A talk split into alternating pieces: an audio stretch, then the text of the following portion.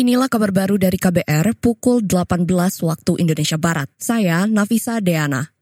Menteri Pendayagunaan Aparatur Negara dan Reformasi Birokrasi Menpan RB Abdullah Azwar Anas menegaskan surat edaran agar ASN bekerja dari rumah atau WFH bukan untuk mengatasi polusi udara di DKI Jakarta dan sekitarnya. Kebijakan itu antara lain untuk mengurangi kemacetan yang selama ini kerap terjadi di ibu kota.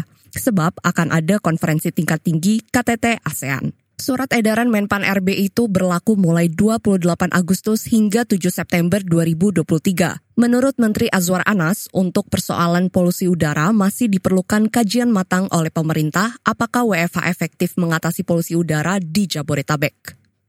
Kita ke informasi lain.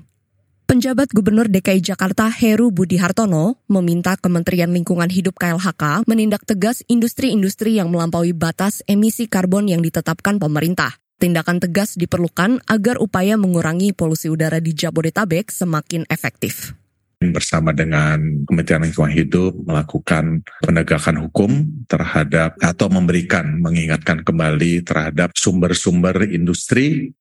Itu tadi penjabat Gubernur DKI Jakarta Heru Budi Hartono. Sementara itu, Direktur Pengendalian Pencemaran Udara Kementerian Lingkungan Hidup Lukmi Purwandari mengeklaim upaya pengawasan sudah dilakukan terhadap industri-industri penghasil emisi. Saat ini sedikitnya ada tujuh pabrik dan satu kegiatan masyarakat yang tengah diawasi.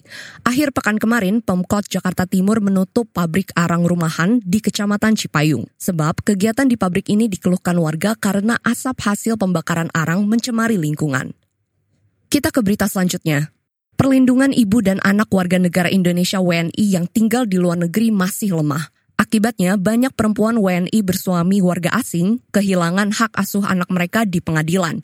Anggota Perkumpulan Pejuang Anak Indonesia Sheila menyebut hal itu karena tidak ada regulasi yang mengikat dalam Undang-Undang Perlindungan Ibu dan Anak.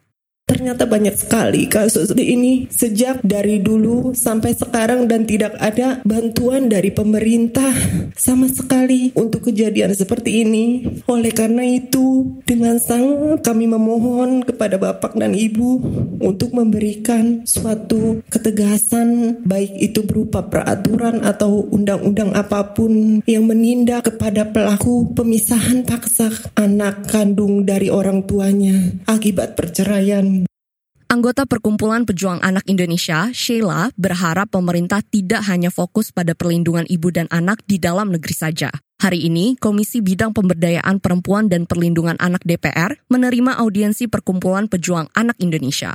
Dalam kesempatan itu, DPR banyak menerima masukan tentang kekosongan hukum atas hak asuh anak korban perceraian.